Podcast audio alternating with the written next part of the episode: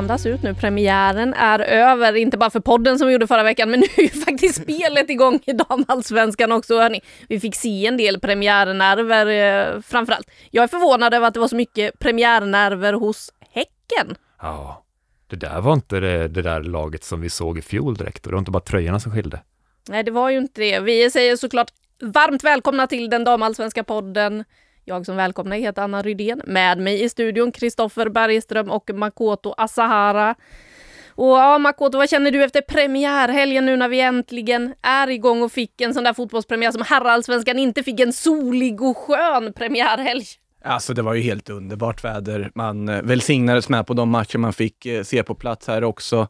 Strålande sol på stadion där Djurgården på något sätt svarar på rubrikerna som har varit med en men bra insats här mot Örebro. Kanske så att ja, Örebro hade mycket att spela naturligtvis. De hade mycket chanser, men man på något sätt ändå stänger igen. Det är en moralisk seger på alla sätt och vis. Man lyckas försvara den här ledningen med en straffräddning och med en spelare mindre på planen. Det, det är imponerande att starta säsongen på så sätt efter alla skriverier som varit må så vara att spelarna själva då naturligtvis sa att de har ju såklart inte påverkats av alla skriverier. Säger de ju då efter segern. Eh, samtidigt då ett Rosengård som också får en superstart på säsongen med sin sena seger borta mot Linköping, ett lag som man har haft otroligt svårt att slå just i Linköping. Jag tror Caroline Seger nämnde det att ja, hon har vunnit någon match i Svenska Kuppen där på Linköping Arena, men annars har det ju varit en arena som är förknippad med besvikelse för ett lag som är vana vid att vinna. Nu lyckas man få en seger med sina nyförvärv som vi kanske kommer in på lite senare också. Men det är också sen såklart att Hammarby gör den match de gör mot BK Häcken. Jag är väl inte lika förvånad som ni är kanske att de står så pass bra upp som de gör, men det har vi ju varit inne på tidigare också för er som kanske lyssnar på premiäravsnittet. Nej, eh, och Hammarby kommer vi komma tillbaka till. Vi kommer ha med oss eh, den första gästen i den här poddens historia. Det känns himla fint att vi får med det i vårt andra program. Eh, men Kristoffer, hur upplevde du premiären? Du fick ju se en match på plats då. Det var den här Hammarby-Häcken. Det var soligt, det var varmt. Du kände väl verkligen sommarkänslan?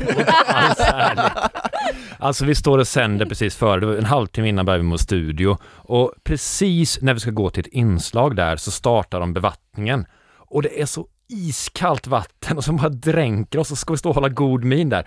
Och ingen ser vad som händer i bild. För sen direkt när vi är tillbaka, det enda som har hänt är att Anna då har bytt frisyr och hon kör den här Dotter Melodifestivalen, den här wet look-grejen. Och jag står där och är blöt om, om keps och kavaj och ska hålla masken i den här fruktansvärda kylan och ska försöka skriva en krönika sen, men mina händer är så jäkla stelfrusna i detta. Så att allt förstördes av vatten för mig. Jag måste fråga, hade inte du skickat in keps till Örebro? Ja, jag köpte kanske en. Ja, jag, gjorde jag förlorade i Jag ville, ville bara klargöra det för transparens skull. Här. Nathalie Hoff Persson har den. Jag antar att hon har kastat den. Det är ingenting man sparar på. Men jo, jag köpte en ny istället ur det faktiskt. Ja, och eh, nu är det ju så att eh, i den här podden så kommer vi varje vecka leverera varsin spaning och eh, vi börjar den här veckan med dig Makoto som ska få börja med din spaning och du har ju redan nämnt lite vad det är du har spanat in. Det handlar om Rosengårds nyförvärv. Ja, alltså Rosengård är ett lag som vi, i alla fall två av oss i den här studion, tippat ska vinna alltihopa. Vi har pratat om att BK Häcken, om att de har behövt värva en del för att ersätta spelare som försvunnit. Vi har inte pratat så mycket om Rosengårds nyförvärv, där de faktiskt har gjort den här sommaren. Kanske för att de, hälften av dem inte fick registreras i Champions League-spelet på grund av vissa Uefa-regler. Men det är ju faktiskt ganska många spelare som kommit in. Ja, naturligtvis, vi har ju såklart nämnt Olivia Skog som ett av de mest liksom, kanske anmärkningsvärda, mest prestigefyllda nyförvärven som gjorts under det här vinterfönstret. Stefanie Labé som kommit in i målet, en veteran, en rutinerad kanadensisk landslagsmålvakt som ersätter Musovic. Men det finns lite andra nyförvärv som dök upp här i den här premiären som ändå tycker är värda att lyfta. Eh, och då bland annat såklart då matchhjälten, segerskytten Stephanie Sanders som eh, ja, tyskan då som kommit in ganska sent, fått ganska sparsam speltid, har en bit tillbaka och det har man ju sagt att de kommer matchas in ganska långsamt. Men har ju redan börjat leverera, gör ett mål i kuppen mot Kristianstad på försäsongen och nu vid sitt första inhopp här då går in och gör precis det hon är inbytt för att göra. Var stor, stark i boxen, klinisk i boxen, är på rätt plats vid rätt tidpunkt och nickar in 1-0 till Rosengård på övertid. Och sen efter den matchen då pratade med tränare Jonas Eidevall som hade extrema lovord för den här tyska 22-åringen som man har fått in från, det är väl Freiburg om jag inte är helt ute och cyklar här nu. Och eh, att det är en av de absolut bäst tekniska spelare han har jobbat med i sett till den liksom, kompetensen som den spelaren har i boxen och att där finns ett enormt sparkapital. Samtidigt som vi sitter och ändå pratar ganska mycket om Mimmi Larsson och en skadad Anna Anvegård så har de alltså fått in en ny tung centertank. Förlåt, sa du en av de mest tekniska spelarna? Sa du det? Det var så jag tolkade det, men det finns ju också funktionell teknik Ja. och eh, liksom, så jag tolkar det i alla fall som att det är just den här funktionella tekniken, är den som kanske inte drar massa YouTube-klipp och massa likes på så sätt, utan bara Cankovic-tekniken som Inte de den- har i laget. Nej, exakt. Inte Cankovic-tekniken, utan snarare den här funktionella tekniken. Den att liksom veta vart målet är, att på så sätt att kunna vinna fördelar gentemot den. Och också i duellspelet. Olivia Skog nämnde att det är ju inget som kan flytta på den spelaren. Alltså i ett straffområde. Eh, med det målsinnet också. Det är ett sparkapital som ska bli spännande att se, som redan presenterat sig. Och sen vill jag även också lyfta Ria Öling, som kommit in från Växjö. Inte pratats jättemycket om den värvningen från Rosengård, som tidigare har värvat med väldigt gott resultat från just Växjö med ja, Anvegård, Cankovic som solklara exempel. Ser väldigt intressant ut där på mittfältet, har eh, otroligt fina kvaliteter framför ögonen på finländska förbundskaptenen som också satt på läktaren där. Eh, hade ju ett skott i stolpen efter en fin soloprestation in i straffområdet och så vidare. Byttes väl ut relativt tidigt då i jakten på ledningsmål, men en väldigt lovande debut tyckte jag i alla fall från pressplats där i Linköping Arena.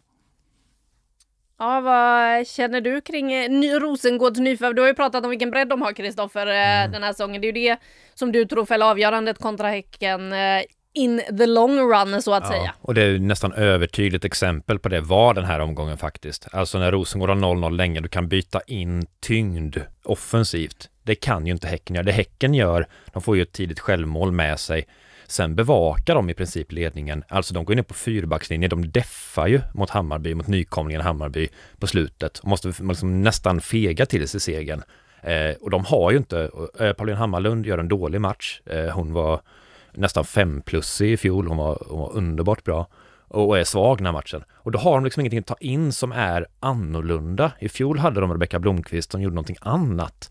Nu har de inte riktigt det. De har inte riktigt någon, de har ingen sån spelare de kan ta in. Liksom, tar de in IJ till exempel där så får de ju inte det blir inte ny energi i anfallet, utan det är ju liksom ett substitut som i goda stunder kan se jämnbra ut, men det, det händer ju ingenting nytt. I Rosengård gör det ju det.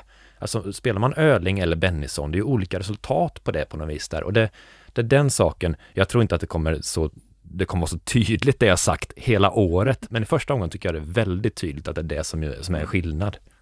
Nej, men också sättet ska vi nämna också att Olivia Skog såg ju väldigt alltså, redo ut också i den här ja, damallsvenska debuten får man väl säga. Hon har ju såklart spelat i Champions League och cupen och så vidare här nu också, men eh, det är djupledshotet, den arbetskapaciteten, det är skottet, det, det finns mycket att hämta där också. Och sen bara det faktum att man i ett läge där det kanske har kört lite fast, där du inte riktigt får utlopp för de här insticken som man slog väldigt ofta. Det ska tilläggas Kajsa Andersson i målet i Linköping. Hon tajmar nog varenda sånt djupledsinstick helt perfekt.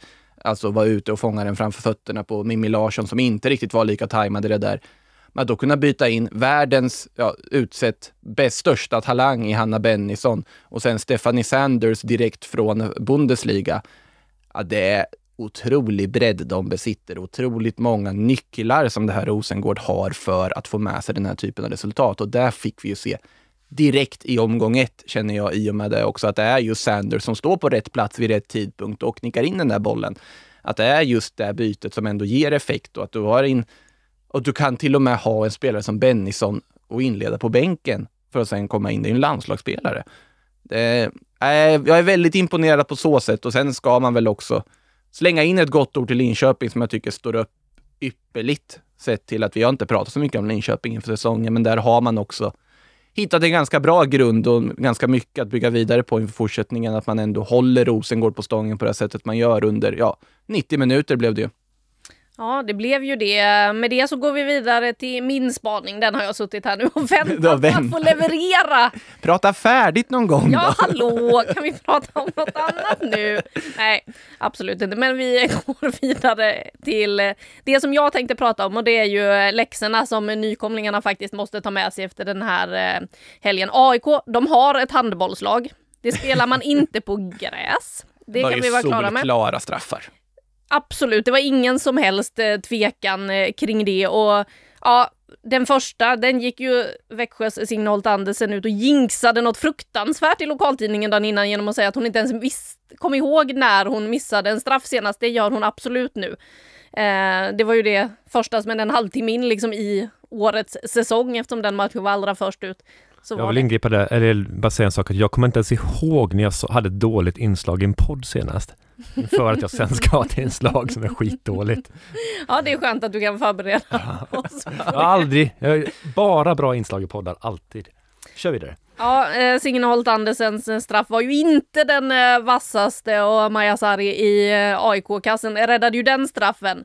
AIK lyckas ta ledningen på bortaplan mot Växjö när de väl fick låna bollen. För det fick de ju knappt i den matchen.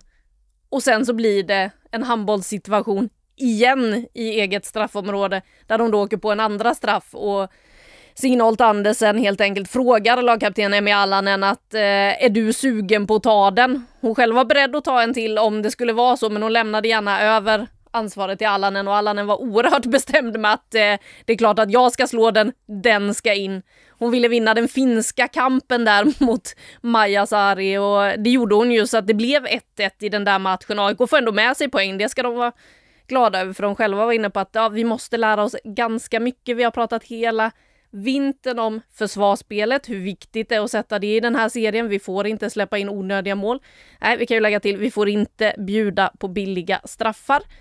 Och eh, tempot.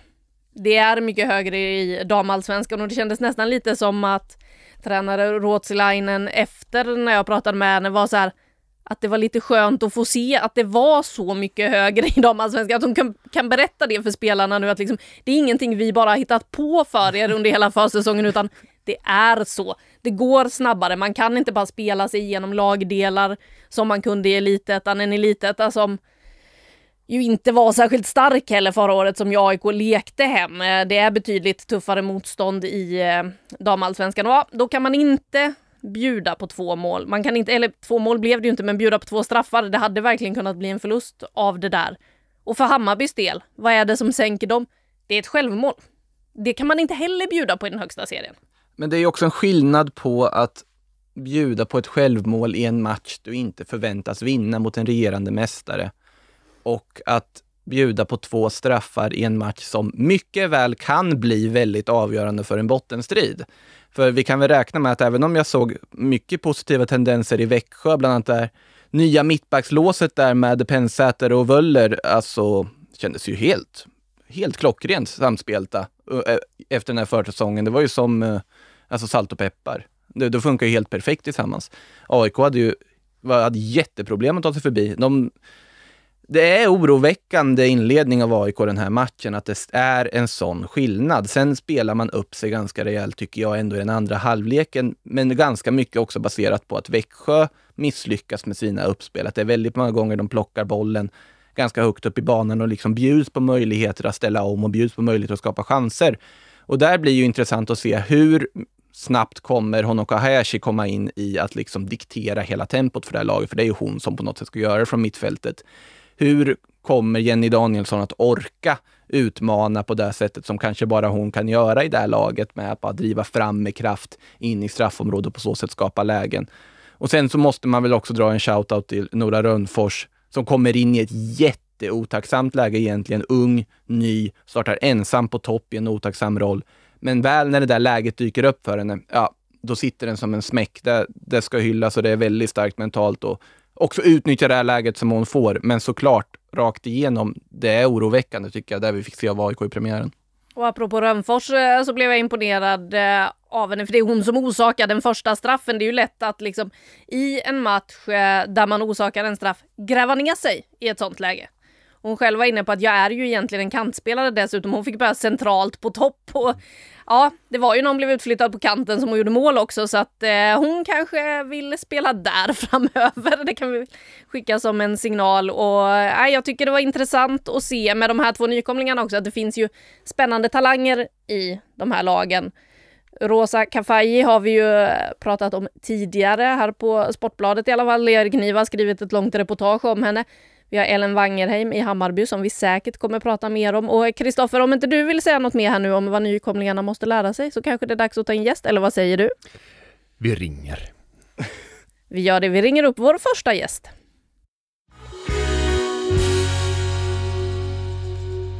Ja, och eh, apropå nykomlingar så har vi faktiskt med oss den första gästen här i den damallsvenska podden. Vi säger varmt välkommen hit, Emma Jansson i Hammarby. Tack så hjärtligt. Du, hur är läget så här dagen efter premiären? Eh, det är lite blandade känslor faktiskt. Eh, vi tycker att vi gjorde ändå en hyfsat bra första match att eh, ta med oss och bygga därifrån. Men samtidigt så kändes det som att vi var rätt nära ändå att knipa i alla fall en poäng. Så att det är väl det tråkiga i det. Jag var ju inne på här att eh, nykomlingarna behöver lära sig lite efter den här första omgången. AIK har släpper in, eller spelar handboll två gånger i sitt straffområde och får två straffar mot en. Ni åker dit på ett självmål, men jag är också imponerad över hur ni liksom tar det i laget och att man pratar om att misstag, det är sånt som händer. Hur mycket har ni snackat om det där att faktiskt backa upp varandra? Eh, men vi har inte snackat om det jättemycket faktiskt. Det är väl eh, en självklarhet eh, på, på den här nivån vi spelar på. Att man backar upp varandra. Vi, vi spelar som ett lag och vi vinner och förlorar som ett lag. Så att, eh, det där är bara att gå vidare ifrån så blir det säkert eh, ännu bättre framöver. Det är så sjukt man hör det, för man har lust att säga grattis till en fin insats igår, men det säger man väl inte till en tävlingsmänniska? Eh, nej, det är väl som vi har pratat lite om att det är ju tyvärr inte insatserna som gör att man får poäng i den här serien. Eh, så det är lite surt, är det ändå.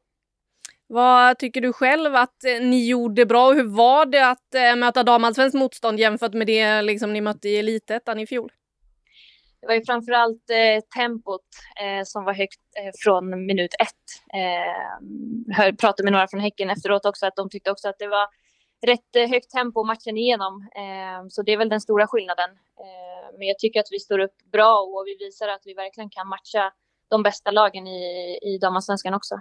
Du, det var ett mysterium igår. Eh, när vi stod där, jag och Anna, så dränktes vi av bevattningen före matchen. Vi sprutade jättemycket. Vi frös som idioter och det var ert fel. Eh, sen sa vaktmästaren eh, att vi kommer spruta också i paus.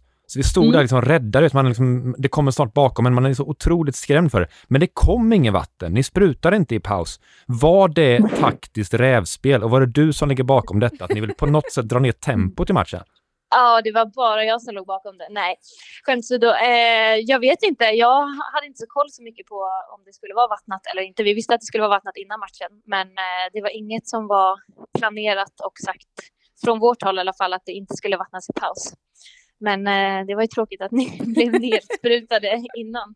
Vi fick oss en härlig kalldusch precis innan start så att man vaknade exakt. till lite. Det ska ja, man exakt. väl ändå göra en premiär? Ja, herregud, det hör ju till. Apropå taktiskt rävspel måste jag ändå fråga. Det kanske inte i och för sig ligger på ditt bord här, men noterade, jag var ju inte på plats utan var på väg till Linköping där då, men man tittar ju in på svensk fotboll och laguppställningarna där och så såg man 5-3-2 hos er eh, mm. inför matchen. Det kände man ju då, men det kommer de väl inte spela och det gjorde ni väl kanske inte riktigt. Så jag måste nästan fråga, var det kanske en viss lite taktiskt rävspel från den gode Pablo inför match? Eh, jag har faktiskt inte så mycket koll på vad, vad Pablo, om han vill köra rävspel eller inte, men eh, det är väl klart att man kanske vill inte säga rakt ut hur vi spelar eh, innan matcherna, men eh, det var ju inte en 3-5-2 uppställning vi hade på plan i alla fall. Annars tänker jag, vet att eh, vi pratade lite tidigare här eh, under försäsongen om liksom förväntningarna på Hammarby och så. Vad känner du efter, även om det blev en förlust, känner du att förväntningarna nästan har ökat i och med den insats ni gör? Eller det kanske inte har hunnit notera det direkt dagen efter Nej, matchen? Nej, vi har inte hunnit eh, notera det jättemycket. Men eh, det, jag tycker att eh, vi ska ha fortsatt höga förväntningar på oss för att jag tycker att vi gjorde en väldigt bra eh, insats igår. Eh, men som jag nämnde innan så är det inte insatserna som, som vinner fotbollsmatcher tyvärr. Eh, så att det är där vi behöver steppa upp och det är poängen som räknas i, i slutändan. Men du, du, visst har du märkt att alla håsar är något helt otroligt? Jag står bredvid och fattar ingenting vad alla dessa experter ser. Hammarby kommer femma, sexa säger folk. Det är ju helt sjukt. Ja, men det är klart att det är höga förväntningar, men eh, det är kanske inte något som förvånar oss jättemycket. Vi har, vi har en eh, ganska, ja men vi har en riktigt bra trupp och vi har en eh, hög högsta höjd när vi, när vi spelar vårt spel och gör det bra. Eh, men sen så är det klart att vi är nykomlingar som, som både, ja men som AIK är också. Eh, så att det blir ju, det blir ju tufft. Det är inte bara att glida igenom serien. Förvånar det dig mest att jag har tippat er på sjätte plats och är en av de där människorna som Kristoffer Bergström inte förstår sig på, eller att Kristoffer Bergström har tippat er på en tionde plats precis över Djurgården och AIK? Eh, nej, men jag är väl lite åt eh, ditt håll, tror jag. eh, såklart. Eh, men som sagt, man vet aldrig vad som kan hända eh, i OS-damallsvenskan. Det är bra motstånd varje match. Ja, men för mig är det som vet, när folk börjar prata om hovet eller om Lale. Det är så här, hör du musik? Jo, jag hör musiken precis. Men jag fattar inte varför det här skulle vara särskilt bra. Ja, det här är väl okej. Okay. Alltså jag tycker det är skitsvårt som nykomling att bli tia. Det klarar ju inte ja. Umeå av i fjol till exempel, fast man har byggt i fem år typ för den, den säsongen. Ja, det är klart att det är alltså högt, högt mål att komma sexa i som nykomlingar. Men eh, ja, vi kommer ta match för match och inte sväva bort för mycket. Eh, så får vi se vart det, vart det slutar. Vi hoppas ju att vi kan leva upp till förväntningarna som, som folk har på oss.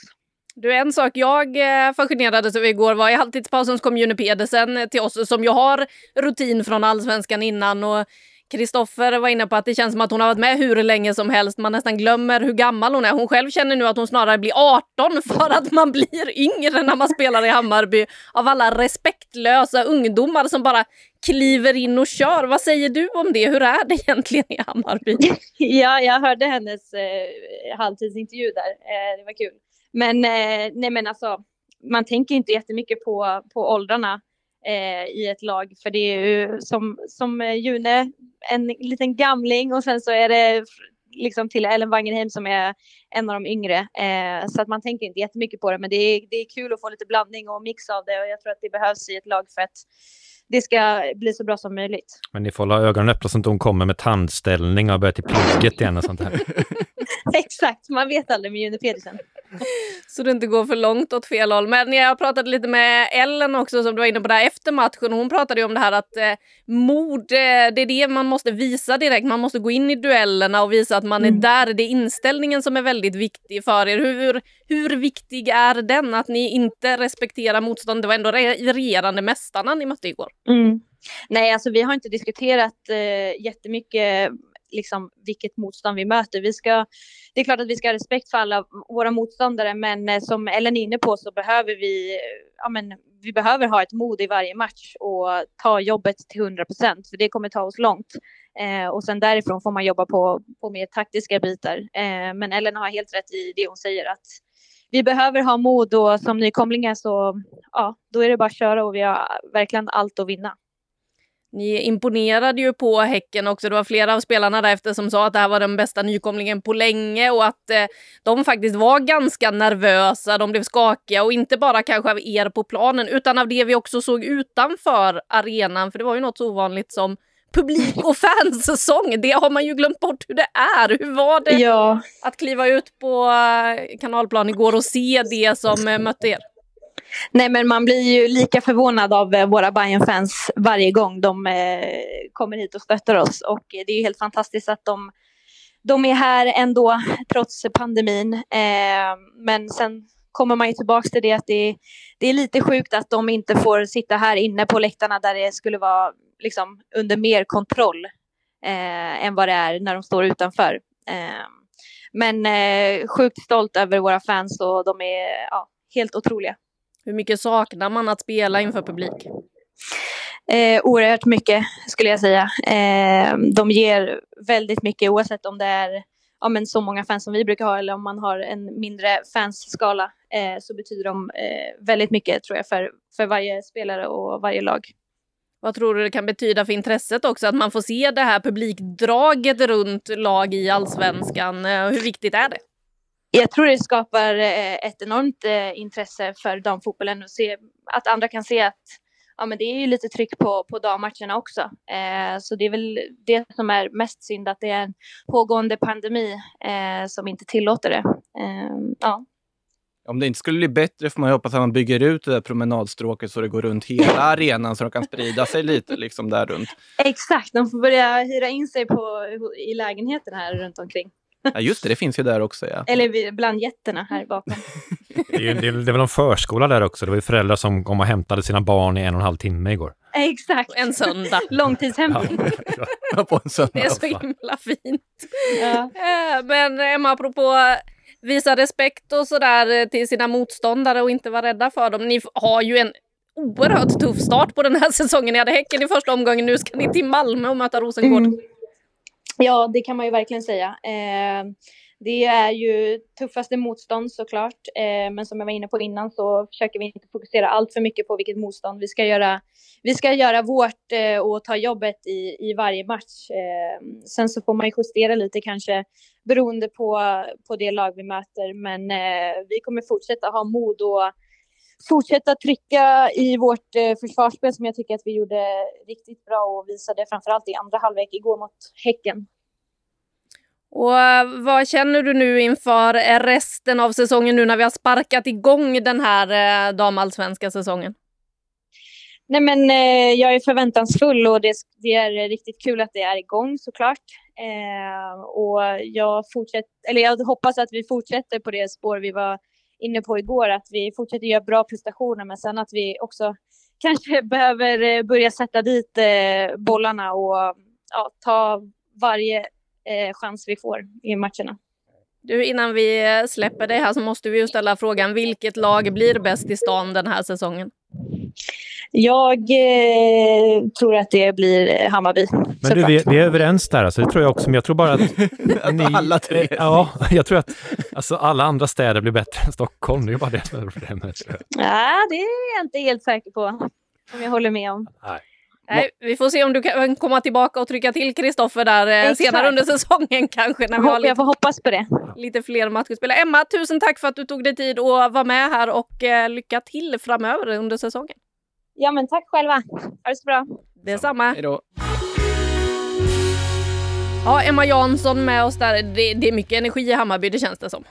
Ja, det är det och de kommer ligga braksist efter två omgångar. Ja, de har en otacksam uppgift i början. Om Nora Rönnfors hade en otacksam uppgift i AIK så har Hammarby det i spelschemat, det kan man säga. Men hörni, eh, apropå Hammarby och sådär nu. eh, Jag gillar ju ett vad vi lanserade i förra omgången. Vittsjö leder ju serien nu, Kristoffer.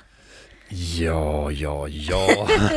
Det går bra för ditt Ja, ja, ja, just hallå. det, det var det ja. Ja, ja, ja, Nej, men. Det är ju nej. Vittsjö fyra platser bättre än Alltså, Hammarby är det ni har slagit Makoto vad din pajsare. Ja, men alltså, I och med att jag egentligen i grunden nästan vill ha en Vittsjö-tröja så är jag lite så här bara ändå lycklig samtidigt. Jag känner som att jag får rätt och fel på samma gång om det, det slutar så här att Hammarby ser så pass bra ut men Vittsjö är ännu bättre. Så är det. Ja, med det så är det ju dags för din spaning, Kristoffer. Vad är det du ska lansera för oss? Eh, Det är ju så hemligt så inte ens vi har fått en Ja, heads men jag har gått och muttrat idag över vad ska jag prata om. Jag har massa små idéer, men jag kom på att det finns ändå ett skämt som man har dragit om och om igen och det har inte varit roligt ens första gången, men det måste fortsätta dras. Det här skämtet är ju assistligan. Alltså att det fortsätter. Jag visste inte om det. Jag trodde att någonting måste ju ha hänt. Eh, en snabb repris är så att för att Förbundet har en hemsida, den är så officiell den bara kan vara. Där listas en tabell och en skytteliga och en assistliga. Assistligan, det är så här, om någon orkar berätta att den har gjort assist, då får den en poäng där. Det har ingenting att göra med vad som händer på planen egentligen, utan på några arenor orkar någon berätta att det är assist och några orkar inte det. Eh, Vilket gör att det blir en helt absurd assistliga. Eh, I fjol så står Jelena Cankovic på tre assistpoäng i officiella statistiken. Hon gjorde 11 assist i fjol. Eh, det är liksom inte så att det är en liten grej som är ändrad där. Och så tänker man att okej, nu har, jag var inte först på det, men jag skrev om det i fjol och då var inte jag ens först på det, det är flera andra som, som pratade om det. Tänker man i år, ja men det måste ju ha skärpt sig. Hur många människor gjorde assist i första omgången? två personer gjorde det. Felicia Rogic gjorde det och så gjorde Ebba Hede i Vittsjö. Eh, Olivia Skog, tänker du, gjorde hon assist? Eh, nej, nej, varför det? Bara för man spelar fram till ett avgörande mål i en het match? Nej, nej, nej, det är inte assist för det. Det var ju på liggande boll. Ja, absolut. Det måste ju vara det som är anledningen naturligtvis. För det kan ju inte vara så att det är Svenska fotbollsförbundets egna statistikverktyg som strular, eller? Nej, och det här måste man liksom bara fortsätta säga tills någonting sker. Men ta bort skiten då. Ni kan ju inte ha en assistliga på en riktig förbundets hemsida som är helt tokig. Och står alla på noll är en sak, men när några får assistpoäng som de ska och några inte får det, det är det som blir så himla märkligt. Man måste ju någonstans premiera, alltså en framspelning i fotboll, det är inte så att det, är inte så att det blir liksom nio framspelningar per match, det är ganska lätt att ha koll på assisten om man tycker det är svårt, ja men kolla på Sportbladets Play för guds skull. Det tar 12 minuter att notera alla assist i en hel omgång. Kan ingen på förbundet ha koll på det? Eh, det är ynkligt och det hade varit roligt om det var första gången det påpekades. Nu är det som en sån riktigt gammal vits som ingen skrattar åt längre, men den är fortfarande på något märkligt sätt aktuell. Det var väl ingen dålig spaning, även om den var liksom upprepad. Ja. Nej, det påminner om när jag själv vann eh, skytteligan i Korpen Mixed Division 3. Då, då, då var det bara vi som rapporterade in Aha, eh, målen, så att då, då vann man den. Snyggt. Tack. Det är smidigt. Tror ni att jag skulle kunna höra av mig och säga att jag assisterade på någon av arenorna jag var på? Det tror jag inte är så svårt. Ja. Det, det, tror jag kommer in där någonstans där. För jag tänker, jag, jag kanske kan vara ute på x antal arenor och liksom snika åt mig assist då. Och bara att vi kommer in på det här diskussionen om Korpen Mix Division 3 och eh, Anna Rydéns assisterande säger väl allt om hur otroligt uselt det är att det inte liksom kan räknas assist på vår, vår liksom största liga i Sverige. Att, att den inte kan få liksom en ordentlig resultatrapportering på officiella förbundets hemsida, det är ju förkastligt. Det är det verkligen. Ja. Det, så är det. Och här måste man ju en gång, en gång för alla lyfta Jared Bursinski, som alltså är den här polske mannen som älskar damfotboll. Jag hoppas han kan vara med här i podden någon gång. Jag vet, om inte alla känner till det, det finns alltså en, en polack som älskar damallsvenskan och svensk fotboll och skriver massor om det på polska företrädesvis, en del på engelska, en del på svenska också och för alltså egen statistik som är mycket mer korrekt än vad förbundet är. Alltså, hysta pengar över honom för guds skull. Alltså vilken människa detta är. Det är det verkligen och man gillar ju det här när man faktiskt kan få rätt siffror. Apropå när du kom in på siffror och statistik, nu så kommer jag på en spaning till. Får jag slänga till en sista spaning i detta avsnitt? Det är ju bara att köra skulle jag säga. Skönt. Eh, för förra året så gick vi ju in, eh, det var första året vi sände serien, man gick in med sån otrolig förväntan inför premiären och så bara smällde det överallt. Det blev så fruktansvärt mycket mål. Mm. Det blev 26 mål i premiäromgången. Just det. det var rock'n'roll. Det var ju High Chaparral. Ja, men det var den här 3-3 matchen. Ja, vi hade El Gnellico, ja. vi hade ja. Göteborg som vann premiären mot Kristianstad med 5-1. Mm. Det blev eh, 3-2 mellan Piteå och Umeå. Hur många mål hade vi den här omgången? Ja, men det var inte många det. Det ska jag försöka räkna här i huvudet. Det var väl 1-0, 1-0, 1-1. Ja, det var inte 2, de här 3-3, 5-1 matcherna. Alltså vi har väl ingen seger som är med mer än uddamålet? Nej, med tanke på att Vittsjö leder serien och vann med 2-1 så är ju det. Och vi tänker att det var en, liksom en offensiv show från, eh, det ska väl också nämnas, alltså Gielnik och Fernanda da Silva inleder direkt med varsitt ganska vackra mål också, ska tilläggas. Det där eh, inspelet och den volleyn från Gelnik är ju, det är ju hög nivå på det. Och sen Fernanda som kommer in i den matchen och mot sin gamla arbetsgivare och firar som en galning efter 2-1 målet. Ska, måste väl också läggas till, tycker jag. Eh, otroligt imponerande och där så sitter ju ändå det där sjunde platsen som man har lagt Vittsjö på och är lite orolig. Nu är det ju en match av 22 naturligtvis som har spelats och mycket, mycket, mycket kan hända. Men eh, väldigt positiv start av Vittsjö. Det var då, eh, vi kan, alltså man ska dra växlar av det här. Det, tio mål blev det förresten i den här första omgången eh, om man räknar. Ja eh, totalt gjorda mål i omgång ett. Så att vi har ju lite sparkapital på eh, förra säsongen. Man kan väl hoppas att det exploderar framöver också. Hur många assist av de tio? Eh, ja, men det var ju då eh, Ebba Hed som hade två assist och Felicia Rogic med en assist. Så sju mål som är soloprestationer. Mm. Eller då Emmy Allanens straff till exempel. Det är ju i och för sig assistlöst. Eller det beror, det beror på om man räknar så här fantasy-assist. Det gör vi inte här. Är jag inte. förstår fortfarande knappt fantasy. Jag har fantasylag och det går sådär. Jag har inte ens vågat logga in och kolla hur det går. Men eh, herrsidan, det har jag inte. Jag har en fantasypodd, men jag är bedrövlig på fantasy ändå. Eh, Det säger säga. kanske det mesta. Hörni, nu, eh, vi närmar oss slutet på det här eh, avsnittet, känner jag, för syret här inne börjar bli sisådär. Men vad känner ni inför omgång två, förutom att då Hammarby har ett jäkligt tufft spelschema inledningsvis. Så har ju Häcken upp till bevis. Ja, de möter Växjö hemma. Det, det ska de ju höja sig mycket för och de måste ju ta den matchen. Det håller ju inte det de gjorde i första omgången, så enkelt är det ju. Eh, men också som en Kristianstad-Djurgården är en spännande match tycker jag. För eh, kan Djurgården följa upp det här? Alltså de mötte ju ett KIF Örebro som är svagt, alltså det var redan tippat de kommer vara svagt i början innan de får ihop allting nu. Men Djurgårdens insats är ju helgjuten. Kan de följa upp det här och ta poäng där, ja men då är ju Djurgården på riktigt. Ja, sen är det ju också att man, eh, vi nämnde väl kanske, det är kanske enda match vi inte har nämnt här när vi suttit här nu, eh, med respekt mot en eventuell match jag kan ha glömt. Men Eskilstuna-Kristianstad var väl kanske, om man tittar på jämnheten inför och lagen, förväntningarna man haft på lagen inför en av de mest intressanta premiärmatcherna egentligen. 1-1 där också. Vi fick väl egentligen inte så jättemycket svar på vart vi har dem.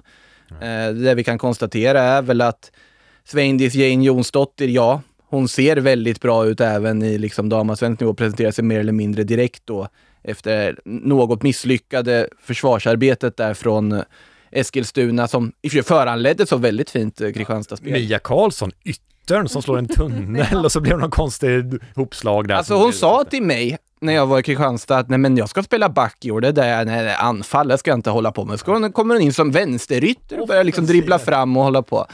Ja, det, det är ju en sak. Skärp dig Nia!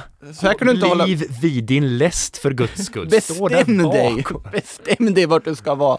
Eh, nej, men eh, och, ja, imponerande förarbete där verkligen. Jag men, satte ihop eh, veckans elva den här veckan. Eh, Jonsdotter och Kelsey Doherty är de två enklaste. De är de som börjar sätta ut. Eh, och det, den ena har jag trott jättemycket på, Jonsdotter. Kelsey Doherty har jag tänkt ska vara, tycker var svag på försäsongen. Jag trodde hon skulle vara ganska dålig. Hon gör en kanonmatch för Djurgården. ska nämnas också att hon dessutom videoscoutat Karin Lundin straffskytte innan. Och det, det är förberedd, välförberedd och känslan jag fick i alla fall från första gången jag pratade med henne här också att det är ju en, det är en vinnarskalle som också har siktet inställt på vad hon ska göra och eh, helt rätt inställning till det så att det ska bli väldigt spännande att se hur hon kan lyfta sig. Får ju verkligen en drömstart här med sitt Djurgården. Men eh, Eskilstuna också som ändå kommer tillbaka mot Kristianstad ska ju nämnas där också. Det, en helgjuten insats egentligen tycker jag från deras sida. Men man vet ju inte riktigt vart man har dem än. Så det är väl de svaren. Jag är väldigt nyfiken på att se vart vi har just Kristianstad och Eskilstuna, så kommer vi följa dem i andra omgången med stort intresse. Ja, det gör vi såklart och eh, vi ska ju påminna för alla er om ni har missat det och lyssnat hela den här podden eh, och fortfarande inte vet det så är det ju så att eh, samtliga matcher i OBOS damallsvenskan sänds ju hos oss på Sportbladet Play så att eh, där kan man lösa ett abonnemang så kan man se precis allt från den här serien och eh, det finns ju en hel del godbitar att eh, se fram emot. Dessutom så får man ju alltid senaste nytt inne på sajten, eller hur hörni? Ja, och eh, om man pratar om just Sportbladet Play så noterade jag i alla fall tidigare när jag skulle titta att man kan se Vittsjö-Piteå i repris om man faktiskt har missat den matchen. Det går att se hela matcherna i efterhand också på sidan. Så det, det är ju väldigt tacksamt när vi ska sitta här också, för det är ju många matcher som krockar med varandra och så vidare. Men eh, Ja. Det finns lite godbitar som vi inte pratar om, som inte gör så mycket med. Till exempel när Stefan Karlsson lackar ur kastarens flaska. Exempelvis när Djurgården firar sitt mål och Linda Motlalo verkar skada ögat av någon konstig anledning. Det finns sådana små guldkorn här. Om man kan glädja sig åt 26 mål får man titta efter andra saker då.